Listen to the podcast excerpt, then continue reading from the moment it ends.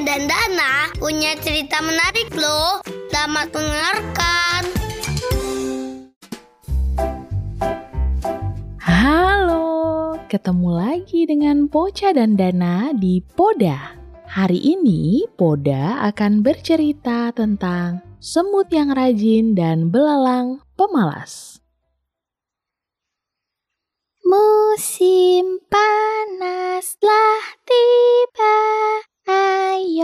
bernyanyi dengan gembira. Terdengar suara nyanyian ceria seekor belalang sambil menikmati beberapa buah anggur di tangannya. Lalu, lewatlah sekumpulan semut yang sedang bekerja.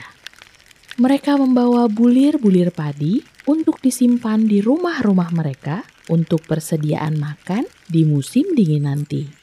Hai semut, apa kamu tidak capek bekerja terus? Langit begitu cerah, ayo kita bersenang-senang menikmatinya. Duduk dan makanlah denganku. Tidak ah belalang, masih banyak yang harus kami kerjakan. Kami harus menimbun banyak persediaan makan untuk musim dingin nanti. Ah, musim dingin itu masih lama. Sekarang saatnya bersenang-senang. Ayolah semut. Tidak belalang, kami tidak mau mati kelaparan di musim dingin nanti. Ah, kalian itu tidak dapat menikmati hidup. Lalu belalang pun terus melanjutkan makan dan bernyanyi. Musim panas. Sementara semut melanjutkan perjalanan ke rumahnya untuk menyimpan persediaan makanannya dan terus bekerja. Hari demi hari berlalu. Tak terasa, musim dingin pun tiba. Semut sedang asik menikmati makanan hasil kerja kerasnya selama musim panas di dalam rumahnya. Tiba-tiba terdengar suara ketukan. Cuaca di luar sungguh buruk. Baru saja terjadi badai salju, sehingga salju yang menumpuk di luar pastilah sangat tinggi. Hmm, siapa yang datang ke rumahku di cuaca dingin menusuk seperti ini? Salju di luar sangat tinggi. Hmm, siapa ya? Semut segera membuka pintu rumahnya. Ternyata itu adalah si belalang, dan tentu saja tubuhnya masih menggigil karena kedinginan. Dengan suara bergetar, belalang menyapa semut.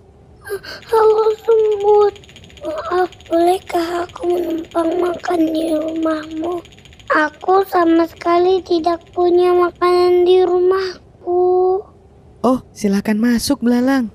Belalang pun masuk ke rumah semut. Semut segera menyiapkan makanan untuk belalang. Belalang pun memakannya dengan lahap. Kamu terlalu banyak bersenang-senang selama musim panas belalang. Kamu sama sekali tidak bekerja mencari makanan waktu itu. Kalau sudah musim dingin begini, susah sekali bagi kita untuk mendapatkan makanan. Belalang menyadari kesalahannya. Selama musim panas, ia hanya bernyanyi dan bernyanyi sambil menikmati apa saja yang ada di sekitarnya tanpa bekerja sedikit pun. Akibatnya, ia sama sekali tidak memiliki makanan pada waktu musim dingin tiba. Hal ini membuatnya menyesal dan berjanji tidak akan malas lagi untuk mengumpulkan makanan bila musim dingin telah berakhir.